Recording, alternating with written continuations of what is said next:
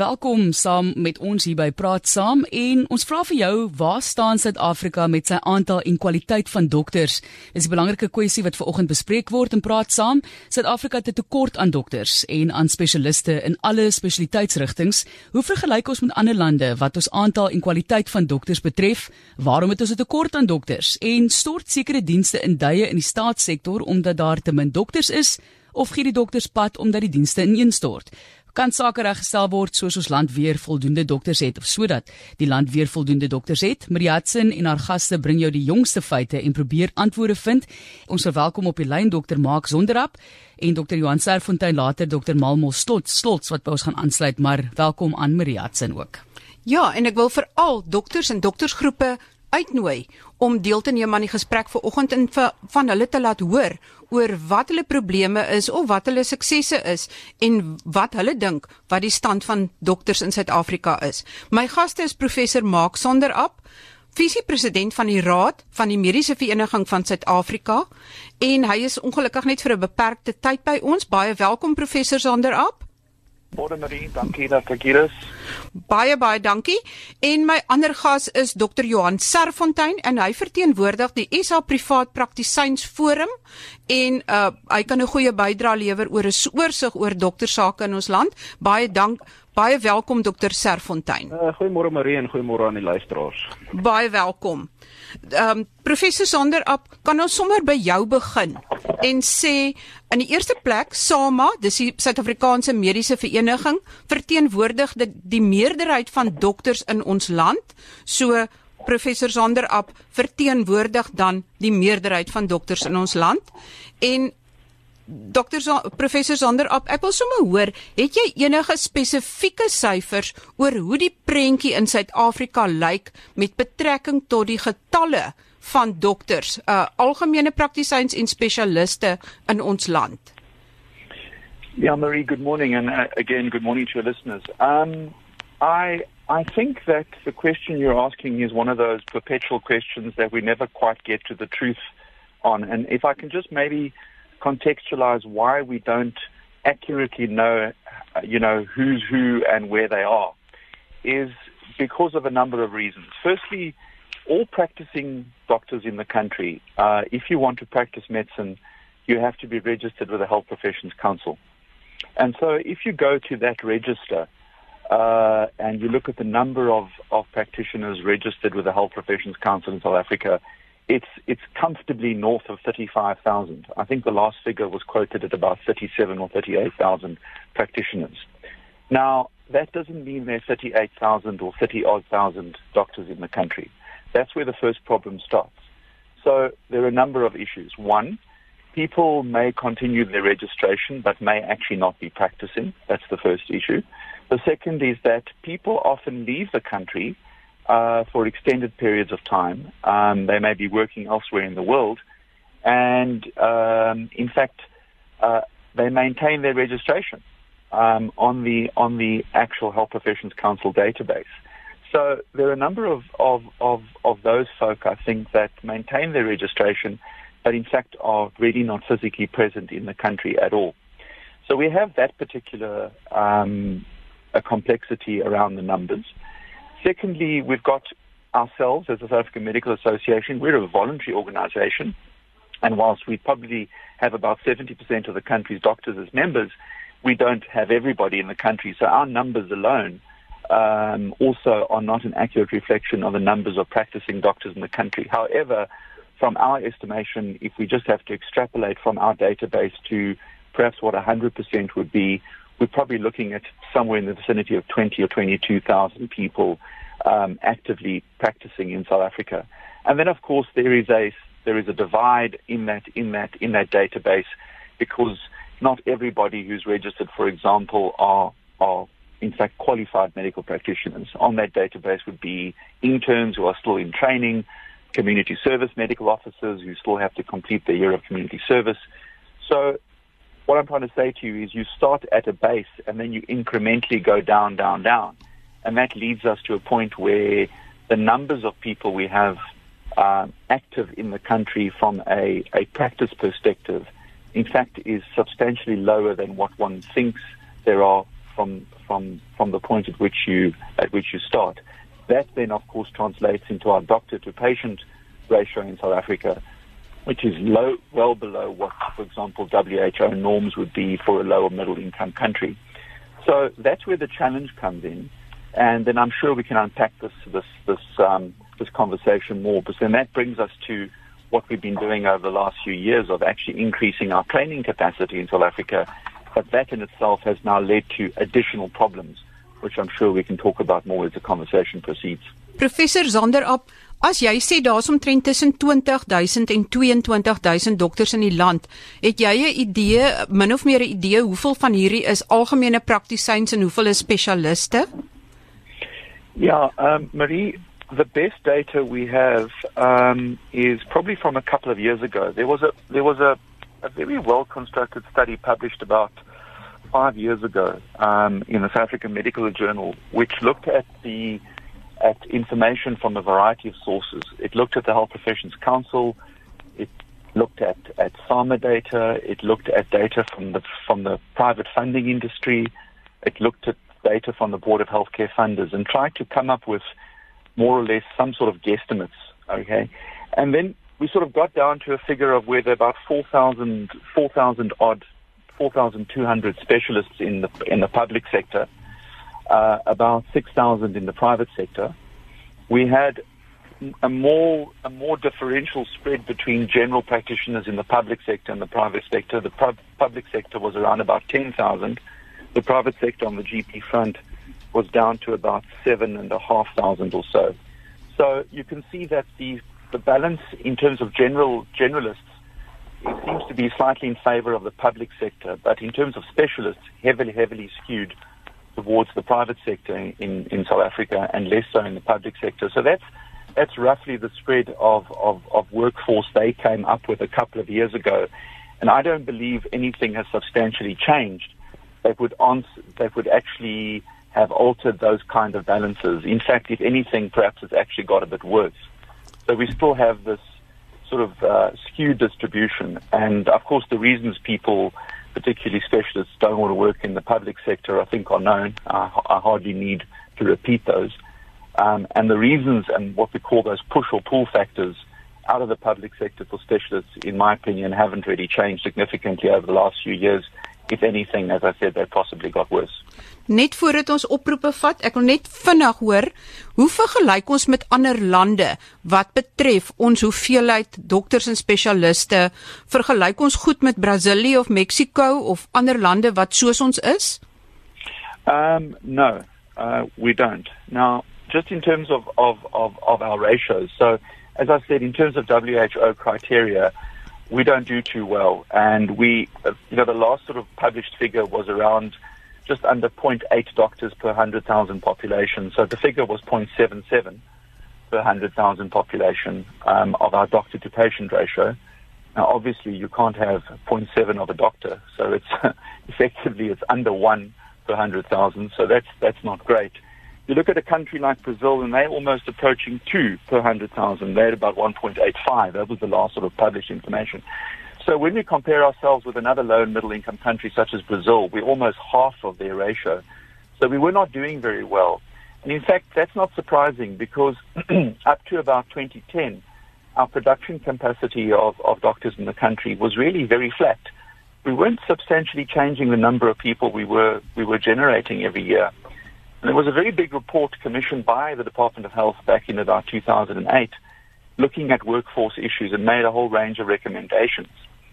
And as you would know, over the last seven years or so, we really have tackled this problem quite quite efficiently. We've increased our intakes at medical schools uh, across the range of, of our faculties. Uh, um, recently, we've brought a new faculty online. There's plans to bring another faculty online, but those are long-term solutions. Um, so we have increased our internal production capacity. The other policy, whatever you you know, whatever you may think of it, that government has pursued, of course, is the Cuban training program. And vast number of students have been sent to Cuba, and the bulk of them haven't even started returning yet, but we expect large numbers from about 2019 onwards. But that program in itself is not an immediate solution because there's lots of uh, remedial training in addition that happens once those students return. However, having said that, our numbers have increased, so we've actually done well. Marie, the real problem and the challenge we face today on the 21st of September 2017 is we've reached a point where we actually can no longer accommodate these students once they graduate. That is the, that is the crisis we are in at the moment, where we do not simply have enough posts in the country to accommodate the increased number of interns that are coming through. And that is the real conversation that we should be having and how we're going to rectify that issue. Because as we sit here at the moment, and as, as my update I received yesterday from, from our Junior Doctors Association, we have a deficit at the moment probably of about 500 posts for 20, for 2018. That is the real story here and that's the real crisis. Baie dankie. Is ingeskakel op RSG. Kom ons kyk na die SMS'e wat deurgekom het. Hulle sê hierso my twee meisiekinders is al twee is al twee in die mediese bedryf. Tydens my een meisiekind se studies is haar buurvrou tydens haar jare wat sy nou moes insit sonder betaling vir krag in een van die hospitale tydens 'n noodoproep. Na die voorval het ek my kinders gesê hulle gaan die land verlaat na hulle studies. Nie een van hulle sal daardie jare doen nie. Die regering het nie sent bygedra tot hulle opleiding nie. So hoekom moet hulle daai 2 jaar gee in haglike plekke? Dis Sandy van Onkomas wat so sê. Dan ook Suid-Afrika het van die beste dokters ter wêreld. Ek blameer hulle glad nie dat hulle na ander lande gaan nie en daar waar hulle waardeer word en, en hulle verwys nou ook na die dokter wat op 'n plaas vermoor is en wat nou in die nuus berig word. En dan dokters word so toegegooi met admin, wetgewing en moontlike litigasie dat daar min aantrekkingskrag vir die professie oorbly en dan verwys hulle ook na ras en wit jong mans probeer verniet om geneesere te word en is feitelik onmoontlik om te spesialiseer, so sê anoniem. Praat saam, goeiemôre, jou punt volgende. Goeiemôre. Ehm um, kan ek anoniem bly? Ons luister. Want ek is 'n privaat uh, privaat GP, 'n privaat praktyk in 'n plattelandse dorp. Kan jy my hoor? Ons luister, gaan voort. Ehm um, ek dink die die onderliggende probleem is is meer in 'n in 'n bestuurs ehm um, formaat, jy weet, in in die staatshospitale privaat ouens stel glad nie belang om daar te werk nie. Ek byvoorbeeld is ek persoonlik is is is in 'n plattelandse dorp en het al uh, bereidwilligheid getoon by ons lokale privaat hospitaal om daar te werk en ehm um, daar is net 'n heeltemal 'n aversie van van die staatsdiens af om enigsins ehm um, jy weet dit is nie dat hulle jou met oop arms wil aanvaar nie. Ehm um, daar's 'n gemaksigtigheid en 'n uh, en uh jy weet ehm um, totaal en al die die die die kwaliteit van verpleging, die matrones, die ehm um, hospitaalsuperintendente, hoe minder hulle kan doen, hoe beter vir hulle. Ehm um, so hulle wil ook nie hê dit moet effektief wees nie want dit beteken harder werk. En dit is ongelukkig hoe dit is en ek ek kan vir jou honderde voorbeelde noem wat ek daagliks sien, mense wat gefrustreerd is wat by my privaat praktyk aankom van die hospitale waar hulle net geen diens kry nie. Nou dit is nie noodwendig omdat daar nie 'n dokter is nie. Daar word dokters betaal um, van allerlei lande af, maar hulle is net nie aan diens nie. Hulle uh, vat twee ure tee, nog twee ure lunchtyd. Ehm um, so jy weet ek dink die die groot probleem is nie dat daar te, te min dokters noodwendig is nie. Die probleem is onderliggend dit is so frustrerend om daar te werk. Ehm um, jy weet die hy die hy die bystand wat jy kry van bestuursvlak en van verpleegvlak af. Goed. Dat al die private insien nie wat verstaan nie belang nie blyk te verder. Dankie. Baie dankie vir oproep anoniem ook op ons webblad rsg.co.za Susan van Graan wat sê 'n familielid van my is 'n paramedikus. Hulle kry daagliks in Johannesburg te doen met hospitale wat nie die regte spesialis medisy het nie. Helen Joseph se ongevalle is byvoorbeeld ondraaglik vuil sê die boodskap. Daar is nie linne nie en nie genoeg dokters nie en voordat ons van daardie aspekte beantwoord nog een oproep RSG goeiemôre jou boodskap vir oggend en jou vraag. Goeiemôre. Ons luister ek wil graag anoniem bly. Ek wil net sê my dogter het gekwalifiseer as 'n dokter so jare wat gelede. En toe sy aansoek om te werk, ek kon sy nêrens werk kry nie. En sy sê op die oomblik dis om te studeer. Sy gaan Kanada toe. So as daar tekort aan dokters is, dan dink ek lê die probleem by ons Suid-Afrikaanse uh, uh, ek weet nie wat wat kan nou dit doen nie. Suid-Afrikaanse mense want hulle wil dan nie ons eie dokters aanstel om om te praktiseer nie. Ek luister by die radio verder. Dankie. Goed, nog anoniem. Hallo. Yes. Ons is terug by professor Zonder App. Uh, professor, daar het nou ook duidelik geword dat die uh, die hele kwessie van intern poste en dit is nou die ou wat ons in die ou dae genoem het die hospitaaljaar wat nou oor 2 jaar strek vir studente wat pas klaar gemaak het. En soos wat jy sê, daar's omtrent 2000 studente wat nou aansoek doen vir plasings, maar omtrent 500 na 600 gaan nie poste kry nie. Is dit nie die staat se plig om seker te maak dat hierdie mense wat opgelei word, hulle opleiding kan voltooi in hulle intern jare nie? Marie, I I can't disagree with anything you've just said, and I can't disagree with anything that majority of the callers have, in fact, just, just commented on. I think everything they've said is entirely correct. If we just look at the post issue first, I mean, you just had a caller say his daughter couldn't get a job. These are the issues as SAMA we were raising uh, significantly, having high levels engagement, trying to bring it to the attention of the National Department of Health.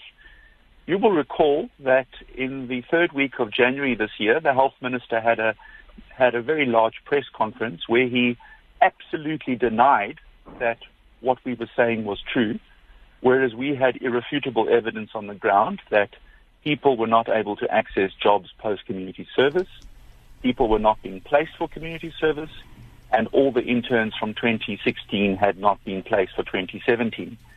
And uh, for the most of this year, he has spent the year denying that until about a week ago, when you will recall, the health minister decided to go uh, in front of the nation and say, in fact, it's out of his hands.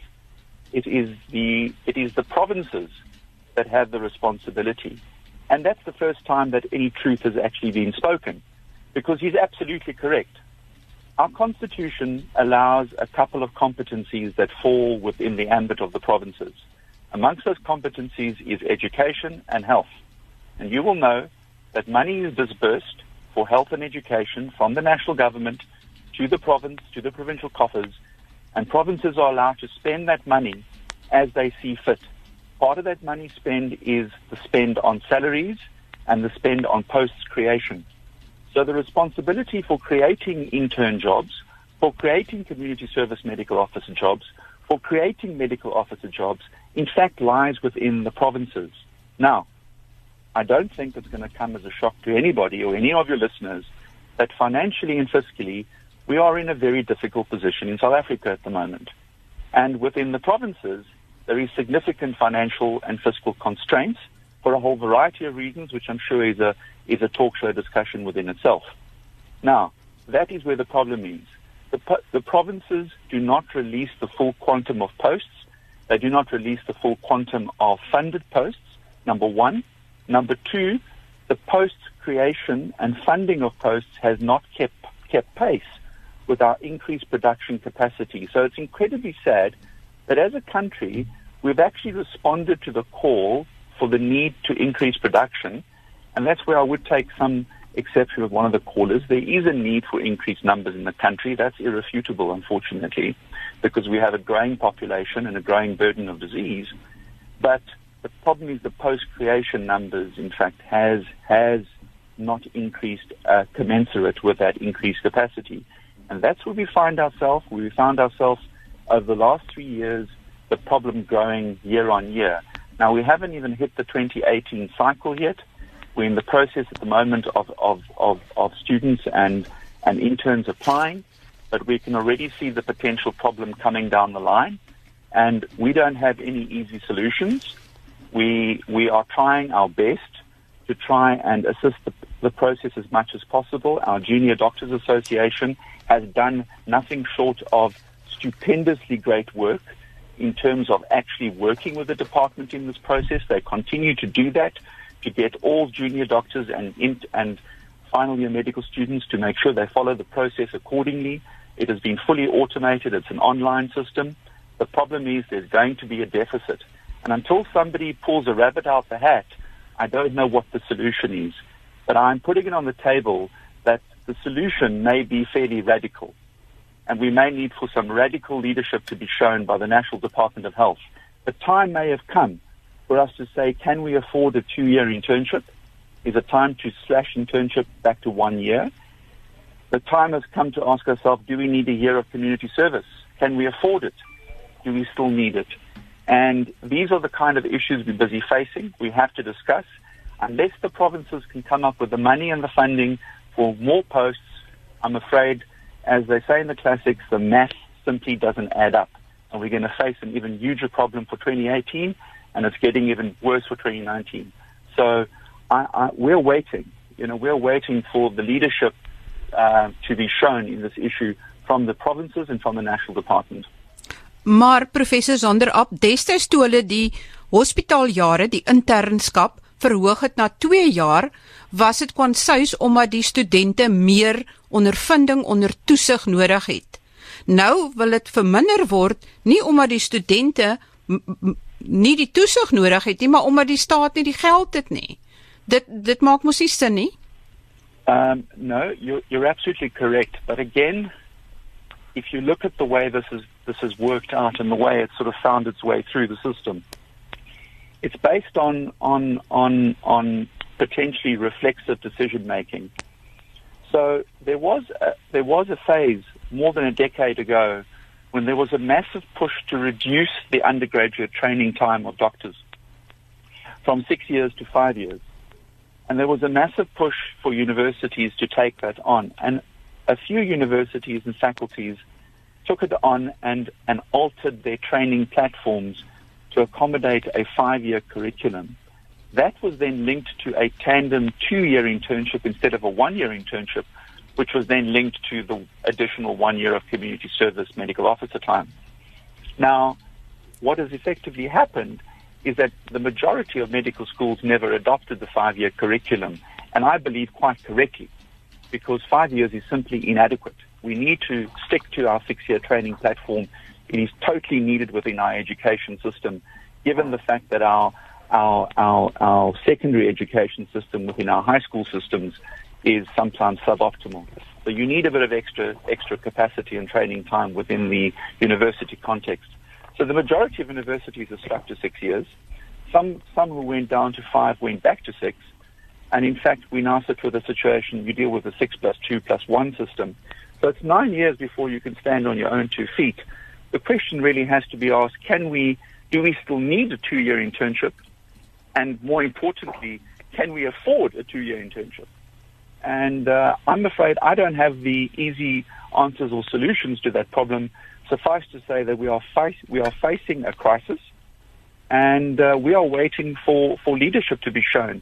And denying that the problem exists is not the solution.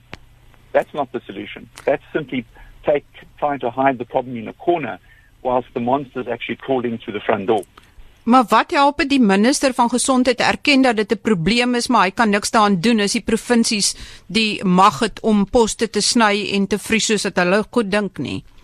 Yeah, so so what we are what what what we would want is that uh, the oversight functions of Treasury, for example, be exerted a bit more in an, in an exemplary fashion to be seen how provinces actually allocate funding in this regard. The minister himself can apply the pressure on the provinces should he wish to. I think he does try. Unfortunately, he has no constitutional power to do it. It's ultimately up to the provinces. But ultimately, what we need is our provinces to come to the party and maybe be spending money on what is actually needed for our people rather than sometimes what's needed for people's own pockets. Want ek verstaan dat selfs die kliniese assistentposte en dit is nou die poste wat nodig is by akademiese hospitale om spesialiste op te lei, dat dit met 25 tot 30% gevries is of eenvoudig net afgeskaf is terwyl administrasieposte dieselfde gebly het of toegeneem het. Ja, so we so so again we live in a state of of denial that this exists but we know in provinces such as KwaZulu-Natal that is a huge issue that when uh, as you said clinics assistenta or what we call registrars which are specialists in training their posts when they when they vacate them uh, they are they are often temporarily frozen or permanently frozen so our our training capacity in some provinces with respect to registrar posts are also highly sought after. We don't have enough. We also need to train our increase. We need to increase our training capacity there. So, so that's that's just an additional issue, and it's the same problem that suffices. We also have situations that when existing permanent staff, such as career medical officers or specialists, ex- exit their posts, there's often an automatic freezing process as well, and and and uh, you know that puts further strain on the system. So we've seen recently, and I've had a report out of KwaZulu Natal, for example, that they've effectively put their pediatric oncology program on hold. Uh, they can't accept new new patients because they're down to something like two two staff members at their major referral center in Durban. And, and, and so this, this is the reality of the problem we're facing. And my big concern, and somebody maybe kind of put their, you know, put the nail on the, you know, sort of hit the nail on the head, was one must not reach a critical point where people simply become so disenchanted and, and disillusioned and demotivated that even if the posts were open, people simply no longer want to work in the public sector. Okay, and and this this is critical. And Marie, if I leave anybody with a single thought, I just need to leave the listeners with a single thought. The public sector must be maintained. Its quality must be maintained because ultimately the doctors and medical staff, the nurses and OTs, etc., etc., that people access and might feel very comfortable with in the private sector have their genesis and start out life in the public sector. Your doctor was trained in the public sector. And so training and that capacity of training still majority, yes, we've got a bit of private involvement here and there with training, but the vast majority of training of our new generations of doctors and nurses, etc., occurs within the public sector. That is why it's everybody's problem It's not just my problem or somebody else's problem. It's everybody's problem. And this is an issue we need to stand up for and demand answers on because it is, it is ultimately about us and the care we are going to receive either now or in the future for our children. Dit het 'n groot impak op pasiëntsorg. Absolutely. Beyond the beyond a shadow of a doubt. We we need we need that training capacity. We need the staff because as I've alluded to already, we have a massive burden of disease in South Africa. All right. We have a massive burden of HIV, other communicable diseases, non-communicable diseases such as diabetes, high blood pressure, heart disease, etc., etc. Our population is increasing. I mean, you just have to look at Stats South Africa. Our population is increasing. So the burden increases. And as the burden increases, the demand for services increase one cannot accuse our people of abusing the public sector. When people ultimately seek care within the public sector, they usually need the care. They're sick. Okay. And so um, it's, it's got a massive impact upon patient care because as staff become more stretched, they, it, it, it's got a dual impact. They become more disillusioned, more demoralized, and the quality of care just drops down. I think one of your callers alluded to that. He said he's become so disillusioned. He's a he's a he's a practitioner in a rural area, and he simply doesn't want to work in the public sector clinics anymore, local hospital, because staff are so you know disillusioned and demoralized. It's not that they're not staff there; they're just disillusioned and demoralized, and one can hardly blame them. But somehow we have to right, we have to correct this problem because we can't just shrug our shoulders and say that's where we're going. We need we need people to show leadership. We need we need staff and, and managers within hospitals to exercise their responsibility properly. Not having clean sheets in a hospital doesn't mean they're not sheets. It means that the person responsible for making sure they're clean sheets hasn't done their job. So exercise that responsibility and make sure the person does their job. The reason there's clean sheets in the private sector is because the person responsible for clean sheets is doing his or her job. It's not difficult, Marie. It just needs to be done. And that requires leadership to be exercised and people to actually orientate themselves towards the service that they're there to deliver to, to the people of South Africa and not their own selfish needs. Baie dankie professor, kan jy nog 'n rukkie bly of moet jy gaan? Jy het aangedui dat jy pasiënte het wat wag. Marie, I'd love to stay, but unfortunately there are patients waiting for me. So thank you for the opportunity. Baie dankie vir die luisteraars and I'd love to join you at some point again. Absoluut. Baie dankie professor Sander App. Dan gaan ons na uh, dokter Johan Serfontein toe En ehm um, Dr. Serfontein, jy het nou gehoor wat uh, professor Zander op alles gesê het, maar kom ons kyk vinnig na spesialisgroepe. Ek verstaan daar's eintlik 'n tekort aan alle soorte spesialiste in die land. Ja, dit is korrek, daar is 'n tekort. Ehm um, en jy weet baie van die staat se tekort is gebaseer op die feit dat hoe hulle die poste struktureer. Die staat fokus tans um, op primêre gesondheidsorg, wat dan beteken dat spesialisposte uh drink syp aan die agterspeen van die staat so te sê. Ehm um, so dit is hoekom daar meer spesialiste in die privaat sektor as in die staatssektor want die staat se fokus is nie op spesialis sorg nie. So die laaste figure wat daar was daaroor het aangedui dat uh, 59% van spesialiste in die privaat sektor werk en 41% van spesialiste in die publieke sektor. Ehm um, as mens kyk na die die ehm um, staat se se selfse figure, dan kan mens sien dat die die aantal spesialiste het verminder tussen 2015 en 2016 wat in die staat werk van so 4986 af na 4737. So dis nou op dieselfde stadium waar die waar die uh hoeveelheid pasiënte in die staatssektor vermeerder, het die hoeveelheid spesialiste verminder in daai selfde tyd. So dit is 'n groot probleem. Ek meen ons hoor by die akademiese departemente dat hulle hulle nie in staat is om registreer poste ehm um, registraar, skies poste ehm um, te vul nie want daar is net nie geld om hierdie poste te vul nie en wat dan dit beteken is dat die ehm um, laat jy dan net nie nog spesialiste opgelei kan word nie. En die probleem is natuurlik ook is aan die ander kant is as die senior spesialiste die staat verlaat, beteken dit ook dat die opleidingsprogramme daaronder lê want hulle is dis vir die opleiding doen. So jy weet soort van die ek dink die die kardiotorakale chirurgie afdeling van uh, die die Vrystaatse Universiteit moes op 'n stadium toemaak en ophou spesialiste oplei omdat hulle nie senior personeel het om die om die mense op te lei nie.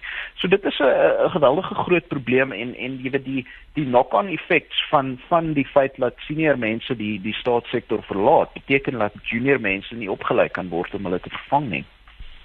Want soos ek verstaan, is daar uh, ons kry nou die kliniese assistentposte, dit is nou waar spesialiste opgelei word, maar die spesialiste kan nie opgelei word as daar nie konsultante is nie. En dit is nou konsultante is die naam wat gegee word vir die spesialiste in die hospitaal wat help met die opleiding. Maar nou word selfs die konsultantposte, die spesialisposte word ook gevries soos wat die mense dalk weggaan of aftree en dan is daar soos jy sê nie genoeg spesialiste om die spesialiste wat nog opgelei moet word op te lei nie. En soos ek verstaan, is dit eintlik in alle spesialisrigtinge die geval. Ja, dit is dit is korrek. Ehm um, dit is ja, dit is 'n groot probleem reg oor die reg oor die spektrum. Ehm um, jy weet en dit is nie 'n probleem wat maklik opgelos kan word nie, want selfs as dit kom by by die opleiding van algemene mediese studente, jy weet, die die opleiding van plaas in universiteite, so hulle kan die hoeveelheid ehm um, studente wat hulle inneem, kan hulle vermeerder, jy weet, tot op 'n sekere punt, maar die feit is al daai mense moet op 'n stadium 'n befondste poste in die staatssektor hê om hulle opleiding te voltooi in daai gemeenskapsdiens en interne jare. En as ons as ons sit met die met die huidige probleem, jy weet, wat nou gaan gebeur is volgende jaar kom daar 1000 Kubaanse studente terug van van Kuba af wat dan hier iewers geakkommodeer moet word in 'n mediese skool waar hulle dan weer 2 jaar se opleiding moet doen. Maar dan 2 jaar na dit moet ons 'n duisend addisionele poste hê om hierdie mense uh, in te neem in die stelsel in. So so dit is 'n groot probleem en daar is nie 'n aanduiding dat dat die regering regtig so ver gedink het nie want jy weet dit is twee verskillende afdelings die departement van uh, onderwys lei die mense op die departement van gesondheid moet hulle moet hulle poste skep en dit gebeur nie en ek meen as mens kyk na tussen 2002 en 2010 was daar 11700 mediese mediese studente wat wat gegradueer het en daai selfe stadium is daar net 4400 staatsposte geskep. So dit beteken daar's 'n retensiegaping van 62% tussen studente wat klaarmaak en poste wat geskep word om hulle te akkommodeer. Nou as daai mense nie in die in die privaat sektor opgeneem word om daar te werk nie, dan gaan hulle oor see moet gaan om te werk. So om te sê dat die staatssektor mense steel, ag die privaat sektor mense steel uit die staat uit, is nie korrek nie, want die die privaat sektor hou actually dokters in Suid-Afrika wat andersins forceer gewees het om die land te verlaat. So, jy weet, ons sit met met 'n probleem dat die die die uh, regering se ideologie wat hulle van praat spreek nie actually tot die probleme wat op grondvlak kom nie. Jy weet die minister sê ja, die private sektor steel die mense en en alsoos goed, dit is nie die geval nie. Die private sektor hou mense in die land wat andersins nie in die staat gehelp kan word nie. En en dit is 'n groot probleem want ons is nie bereid om om te erken dat daar probleme is. Eerste eerste ding om 'n probleem aan te spreek is om te erken daar is 'n probleem. Maar as as ons met ons koppe in die sand sit en en net nie wil aanvaar dat daar probleme is nie, dan gaan ons nie hierdie goed opgelos kry nie. En ek dink soort van wat ook baie duidelik is, is dat die studente wat pas klaar maak, hulle het 6 jaar gestudeer en dan moet hulle nou op die oomblik nog twee intern jare doen en dan een 'n Zuma jaar of 'n gemeenskapsdiensjaar. Maar hulle mag nie in die eerste plek, hulle mag nie werk as 'n dokter op enige ander plek buite in 'n intern pos nie. Hulle mag ook nie gratis werk al is daar nie 'n pos nie, probeer om hulle internskap gratis te doen nie. Hulle word verbied om dit te doen. So al opsie wat daai 600 het is om of niks te doen vir 'n jaar nie of te studeer of om oorsee te gaan en by 'n ander land hulle mediese eksamen te gaan skryf en dan verlore te wees vir Suid-Afrika. Ja, dit is dit is inderdaad die geval en dit is 'n groot probleem en en jy weet dit is dinge wat aangespreek moet word. En en jy weet tans is die regering so gefokus op nasionale gesondheidsversekering dat al hierdie van tipe van interne in, interim probleme net heeltemal nie aangespreek word nie. En ek dink jy weet ons kan baie doen om Suid-Afrika Suid-Afrika se gesondheidssektor te verbeter in die huidige deur van die huidige probleme aan te spreek nou as om dit net alles te ignoreer en te sê oor oor 7 jaar gaan ons 'n nasionale gesondheidsversekering inbring en dan gaan al hierdie probleme net net weggaan, jy weet, net heeltemal verdwyn. Jy weet, en dit is nie die geval nie, want die feit is in 'n nasionale gesondheidsvereniging 'n uh, versekering setup moet staatshospitale 'n sekere kwaliteitsvlak hê om te kwalifiseer om te kontrakteer met die NGV. As hierdie hospitale nie daai kwaliteit het nie, gaan hulle nie mag dienste lewer onder die NGV nie. Tans in in die laaste verslag wat beskikbaar was in 2014-15 het net 16% van staatsinstansies actually die die nodige eh, norme en standaarde gehad om geakkrediteer te word om dienste te lewer aan hierdie NGV. So jy gaan met die groot probleem sit dat ons ons nie genoeg staatsinstansies gaan hê om dienste te lewer in NGV nie en dan is daar natuurlik ook nie genoeg inspekteurs om die private sektor te inspekteer nie want hulle het die die uh, kantoor van gesondheidsstandaarde het geen idee hoeveel privaat praktisyns daar is wat hulle gaan moet inspekteer nie. So dit ons ons ons stuur op 'n ramp af uh, in daai sin en dat ons werk aan hierdie NGV, maar die besef is nie daar dat die staatssektor soos hy nou is opgegradeer gaan moet word, die kwaliteit gaan verbeter moet word tot 'n punt waar die staatssektor actually kan deelneem aan die NGV nie. Ehm um, Dr Aaron Motsoaledi, die minister van gesondheid het oorspronklik toe hy die eerste keer gepraat het oor die NGV, gesê dat die eerste stap is om die staatssektor en staatshospitale te verbeter. Maar dit blyk dat dit sedertdien eintlik verswak het. Dit is korrek as en en wat dit nog erger maak is die feit dat die ehm um, die die NGV pilot sites in meeste gevalle actually laer kwaliteitsstandaarde het as die as die norme in die, in, in ander hospitale oor die algemeen as mens dit veralgemeen. So dit is 'n probleem want daar word meer geld en meer energie spandeer aan daai sites en tog is hulle uitkomste swakker as die ander plekke waar die dieselfde energie en geld nie spandeer word nie. So jy weet dit is een van die goed wat mense moet begin besef, jy weet, mense kan kyk na goed soos soos maternal mortality rates, jy weet, en en infant um, mortality rates in vaccinations. Dit is gewoonlik 'n idee van 'n goeie idee van wat gaan aan op 'n diensleweringspunt en daai pilot sites doen slegter as die res van die land. En dit dit is 'n reuse probleem want ek meen as as ons op 'n klein skaal nie hierdie goed gedoen kan kry nie hoe wil jy dit uitbrei na die hele land toe? En en die pilot sites is ook is ook nie 'n pilot van die befondsingsmodel nie. Dit is net 'n pilot van ehm um, hulle sê jy weet hulle hulle toets van die dienste jy weet maar die eintlike probleem is die befondsingsmodel wat getoets moet word en en dit het net nog nie gebeur nie. So dit is baie bekommerniswekkend dat die die hele land alles staan stil en selfs in die private sektor jy weet daar's baie ehm um, goed wat met moes gebeur het in die private sektor in 2007 al uh, wat wat as gevolg van NGV net gestop het en en jy weet dit is belangrik vir vir die sustainability van die private sektor en dan in die staatssektor jy weet waar die kwaliteit van ons is om te verbeter gebeur dit net nie. Die die punt is as mens meer mense in die private sektor inkry deur goed soos die mandatory medical scheme membership te doen wat al 2007 eintlik moes gebeur het dan sou die staatssektor minder pasiënte gehad het en hulle sou die geleentheid gehad het om om die kwaliteit dan te begin verbeter. Maar as hulle tans, jy weet, oor oorstroom word deur pasiënte en oorswelg word, dan is dit net nie is dit net nie moontlik vir die ehm um, vir hulle om dit te doen nie. Ehm um, en en dit is 'n groot probleem. En en jy weet ek dink nie daar is tans enige planne om om daai op te los nie en om om aan te hou met en te sê NGV gaan net natuurlik al hierdie probleme oplos, dit is nie die geval nie. Ehm um, dankie. Ek ons het op die lyn ook vir Dr Marmol Stols. Sy is een van die raadslede van SAMA. Dr Stols, wil jy iets byvoeg?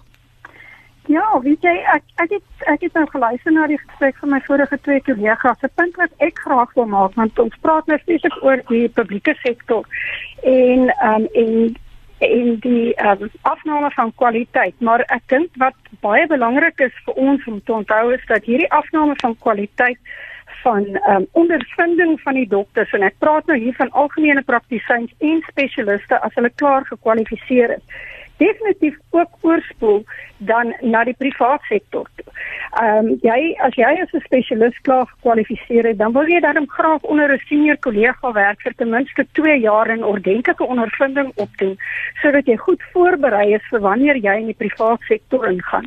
En dit is op die oomblik nie die geval nie. Die ouens maak klaar en hulle moet net uitgaan of oor see gaan. En dis waar ons hulle verloor waar hulle dan ordentlike ehm um, ondervinding onder meer senior personeellede gaan kry of hulle moet in in direk in privaat praktyk ingaan en dit gaan definitief 'n afname van kwaliteit in privaat gesondheidsorg teweegbring oor die volgende paar jaar. En ons sien dit as ou algemene praktisyns met die jong dokters wat by ons in die spreekkamers kom werk en so dat daar so 'n groot gaping is in ondervinding ehm um, wat hulle ehm um, wat hulle tekort kom en so aan. En ek dink dat daar dat, dat die staat nie genoeg aandag gee um, om om om opleiding um, om voort te gaan met opleiding en kwaliteitsopleiding wanneer hierdie mense klaar gekwalifiseer is en nie geka kan geakkommodeer word in die staat nie. Ek dink nie daar's genoeg um um samewerking tussen die publieke sektor en private sektor om hierdie mense dan genoegsaam op te lei as as algemene praktisyns of genoeg ondervinding te gee um vorentoe. Dit is vir my baie kommerwekkend en dit gaan teen die uiteinde lei tot die val van van kwaliteitsorg in privaat gesondheid ook. Dis 'n baie belangrike aspek. Ek verstaan ook dat um in sommige akademiese hospitale byvoorbeeld is die waglyste vir hartoperasies omtrent 'n jaar en dit beteken dat baie van die dokters in opleiding, die spesialiste in opleidings byvoorbeeld nou in hartchirurgie, ehm um, kan net 'n beperkte aantal operasies op hulle eie doen en teen die tyd wat hulle kwalifiseer, kan hulle miskien net 4 of 5 hartomleidings op hulle eie gedoen het of uh, operasies wat waar die pasiënt aan 'n hart-longmasjien gekoppel is. Ek gebruik nou maar hart operasies as 'n voorbeeld, maar dit geld vir omtrent alle spesialisrigtinge. Ja, jy, jy is heeltemal reg en om net daarop uit te brei, net baie van hierdie superspesialistposte waar jy 'n professor het ehm um, wat wat ehm um, al klaar weg is by die publieke sektor, sit die pers en en uh, en hulle stap uit om om privaat gesondheidsorg te gaan. Sit hulle met hulle sit hulle met 'n uh, 'n uh, uh, 'n halwe dag pos of so in hierdie superspesialist ehm um, 'n pos in in die publieke sektor om om te kan om om hulle ehm um, ondervinding en en en so oor te dra aan hierdie jong spesialiste wat opgelei moet word. So nou sit hulle met 'n halfdag pos daar en hulle sit ook met 'n halfdag uh pos in hulle eie privaat uh, uh privaat hoedanigheid waar hulle wat wat wat ook gaan lei tot die afname van kwaliteit want jy kan nie ordentlik aandag gee as jy nie 100% aandag gee nie. So die die ouens probeer die kwaliteit nog steeds hoog hou waar hulle in die publieke sektor betrokke is, maar ehm um, dit dit uh, lei tot afname van kwaliteit publiek en privaat en dit is baie kommerwekkend. Ek wens ons het nog tyd gehad, maar ons gaan in Oktober weer uh twee keer uh, gesondheidspraat saam hê. So bly ingeskakel en baie dankie aan my gaste professor Mark Zonderap van SAMA, uh Dr Marmol Stols van SAMA en Dr Johan Serfontein van die Suid-Afrikaanse Privaat Praktisyns Forum. Baie dankie aan julle.